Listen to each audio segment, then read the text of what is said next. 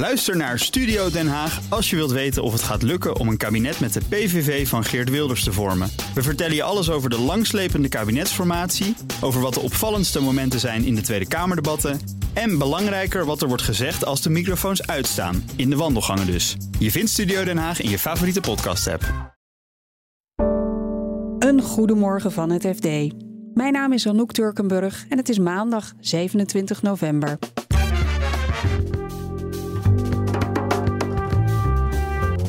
PVV vond deze verkiezingen oude en nieuwe stemmers. Vroeger had je eh, heel traditionele de haves en de haves not. Hè? Er is nu iets heel anders aan de hand. De crisis bij OpenAI zet de sector op zijn kop. Er zijn ook maar weinig organisaties die kunnen omgaan met het feit dat ze van eigenlijk niks uitgroeien tot misschien wel de belangrijkste start-up van de wereld. En de burn-out coach is populair.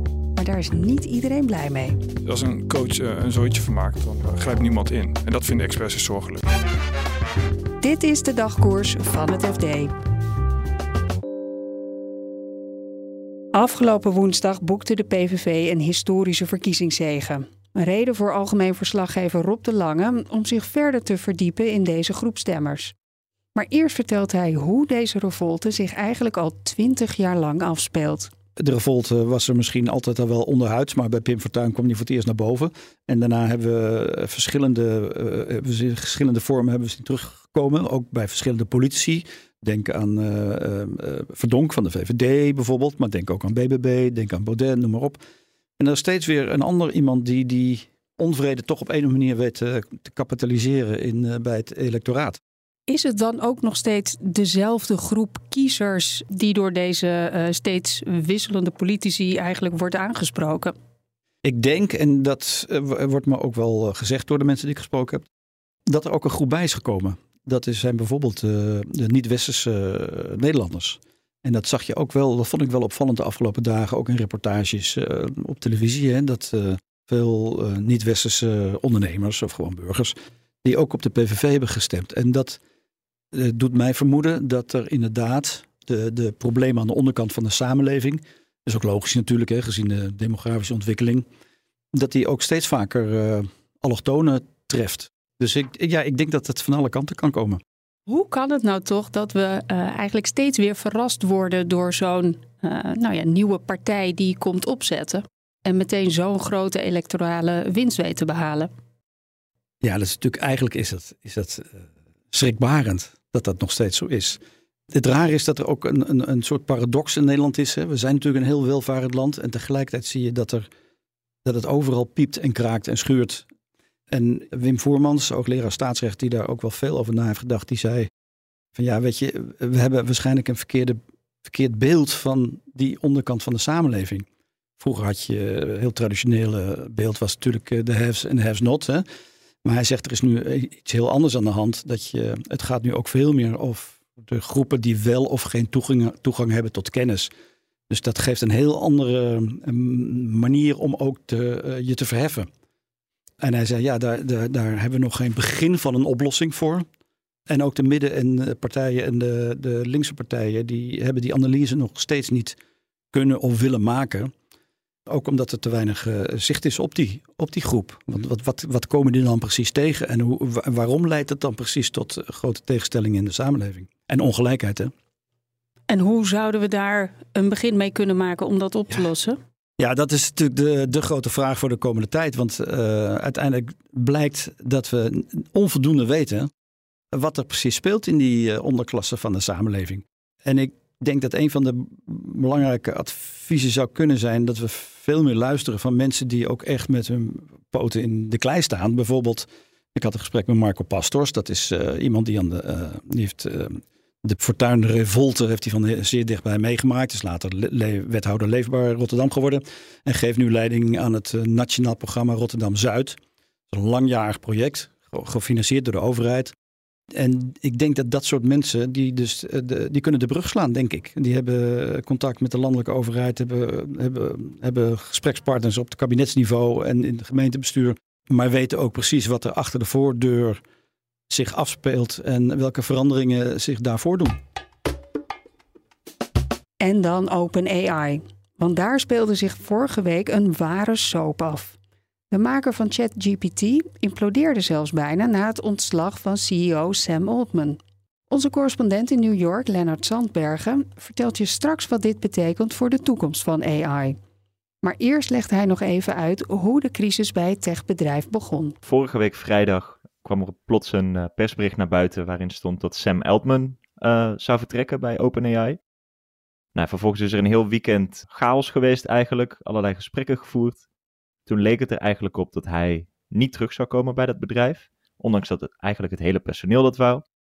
Bleek ook dat hij bij Microsoft een nieuw AI-lab zou kunnen gaan leiden, waar, nou ja, waar hij dan eigenlijk hetzelfde zou kunnen doen als wat hij bij OpenAI al deed. Het leek er ook nog even op dat het hele personeel van OpenAI hem daarheen zou volgen.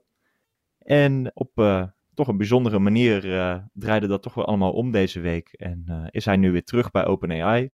Is er een nieuw bestuur aangewezen. Dus de mensen die hem hebben ontslagen zijn er eigenlijk allemaal uit. En ja, nu is alles eigenlijk weer bij het oude. Nu zou je denken rust in de tent, maar um, het blijkt dat er eigenlijk twee kampen zijn hè, in het bedrijf als ik het wat eenvoudig zeg, een commercieel kamp en een kamp dat, nou ja, misschien met iets meer argwaan naar de, naar de nieuwe ontwikkelingen kijkt. Eltman werd gezien als een vertegenwoordiger van dat commerciële kamp. Is met zijn terugkeer nu ook definitief een weg naar de meer commerciële route ingeslagen, denk jij? Ja, daar lijkt het toch wel een beetje op. Ook als je kijkt uh, ja, wie er nu nieuw zijn in het bestuur. Dat zijn Larry Summers, nou ja, oud-minister van uh, uh, Financiën in de VS, die ook op Harvard de basis geweest. Um, nou ja, die heeft de afgelopen jaren wel meer uh, commissariaten gedaan. Nou, de andere is Brad Taylor, die was de bestuursvoorzitter bij Twitter totdat Elon Musk het overnam. En hij werkte ook bij Salesforce als een van de twee CEO's. Ja, dat is ook wel iemand die wel heel erg gewend is om na te denken over winstcijfers. En dat zijn niet echt mensen die zoals het vorige bestuur eigenlijk, gewend zijn om na te denken van, over de risico's van AI. Want dat is inderdaad het, toch wel inderdaad het kamp dat best wel verloren heeft in deze hele strijd binnen OpenAI. Terwijl eigenlijk uh, de missie van, het, van de stichting, moet ik eigenlijk zeggen, ik zeg wel bedrijf, maar het bedrijf hangt eigenlijk onder een stichting. En die stichting heeft als doel om kunstmatige intelligentie te ontwikkelen die de hele mensheid moet helpen, zeg maar. En het is nu wel een beetje de vraag inderdaad in hoeverre dat doel nog bovenaan het lijstje staat. Wat er ook nog bij komt is dat Microsoft, die heeft zeker 11 miljard geïnvesteerd in OpenAI. Ja, en eigenlijk was het ook heel gek. Die hebben daar geen zeggenschap voor teruggekregen. Dat kon ook niet, want het was een stichting. Maar het lijkt er nu toch op dat Microsoft ook een stoeltje in het bestuur krijgt. En dan zou je toch wel kunnen zeggen dat Microsoft echt de grote winnaar is van alles wat er nu is gebeurd in uh, de afgelopen week. Wat zegt het nou dat deze discussie, deze strijd binnen dit bedrijf zich zo openlijk heeft uh, voltrokken? Ja, dat zegt misschien ook wel iets over dat deze technologie en deze hele bedrijfssector eigenlijk nog best wel in de kinderschoenen staat. Het zegt ook wat over de Silicon Valley cultuur misschien. Het is natuurlijk, ja, dit bedrijf, deze stichting was tot een jaar geleden helemaal nog niet zo bekend. Hè? Een jaar geleden hadden we voor het eerst dat ChatGPT, uh, daarvoor was het hele uh, OpenAI helemaal nog niet zo bekend. Ja, binnen Silicon Valley wel, maar daarbuiten niet echt. Sindsdien is alles ook wel heel snel gegaan. Als je ook keek naar wie de bestuurders waren die in dat bedrijf zaten, ja, die hadden ook niet zo'n heel groot profiel. Maar ja, dat was ook helemaal niet zo gek gezien het feit dat het bedrijf ook niet zo bekend was. Maar dat is in één keer zo snel gegaan. Ja, er zijn ook maar weinig organisaties die kunnen omgaan met het feit dat ze van eigenlijk niks uitgroeien tot, nou ja, misschien wel de belangrijkste start-up van de wereld. In zo'n korte tijd. Dat, ja, je hebt in het verleden wel veel vaker gezien in uh, Silicon Valley. Dat, dat bedrijven toch wel wat moeite hebben met het bijbenen eigenlijk bestuurlijk van uh, wat er allemaal bij komt kijken. Zeker als je niet echt externe investeerders hebt die ook eens iets te zeggen hebben. Want dat is over het algemeen altijd de manier geweest om uh, bijvoorbeeld een bedrijf als Uber een beetje in het gelid te houden. Burn-out coaches zijn razend populair. De afgelopen tien jaar verdrievoudigde het aantal coaches zelfs van 800 naar ruim 2500. En dat is niet zo gek, legt redacteur David Kabel uit. Er zijn steeds meer mensen met een burn-out. Ook zijn er lange wachtlijsten bij psychologen. En daarnaast, een burn-out is heel duur voor een werkgever. Dus er zijn werkgevers die besluiten een coach voor hun werknemers te betalen, zodat degene weer cellen terug op de werkvloer is.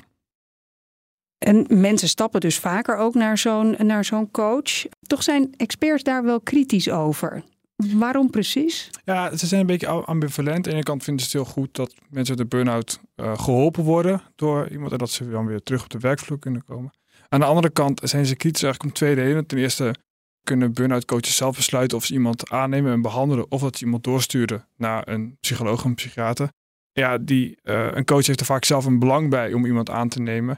En die heeft er niet voor doorgeleerd. En ja, ik expert zegt, ja, laat die diagnose nou geveld worden door iemand die er echt verstand van heeft. En dan uh, kan de behandeling misschien even later wel door een coach.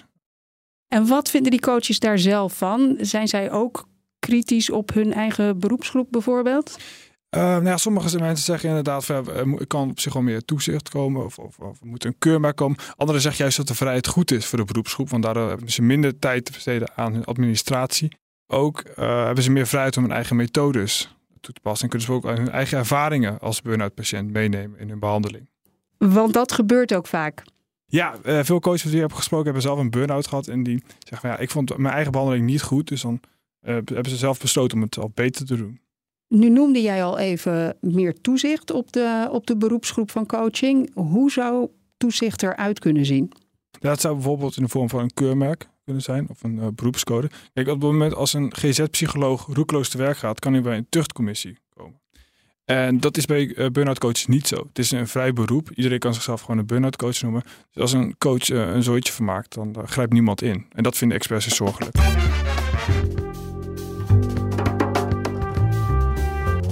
Dit was de dagkoers van het FD. Wil je deze artikelen lezen? Dat kan gratis. In de show notes vind je links naar de artikelen. Morgen staat er weer een nieuwe aflevering voor je klaar. En in de tussentijd lees je al het financieel-economische nieuws in onze app. Voor nu een hele fijne dag en graag tot morgen.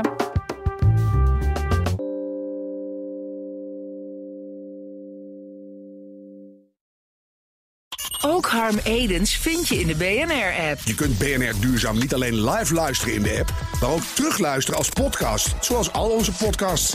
En naast dat de BNR-app Breaking News meldt, houden we je ook op de hoogte van het laatste zakelijke nieuws. Download nu de gratis BNR-app en blijf scherp.